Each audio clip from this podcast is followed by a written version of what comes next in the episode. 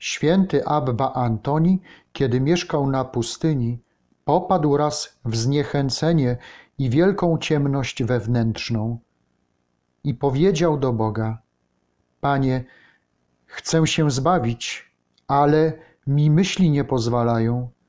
Co mam robić w tym utrapieniu? Jak się zbawić? I chwilę potem, wyszedłszy na zewnątrz, zobaczył Antoni kogoś podobnego do siebie, kto siedział i pracował.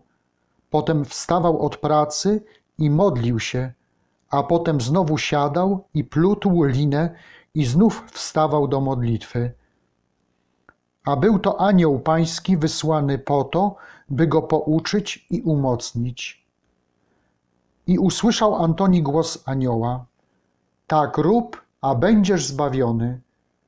Gdy to usłyszał, odczuł wielką radość i ufność, a robiąc tak, osiągnął zbawienie.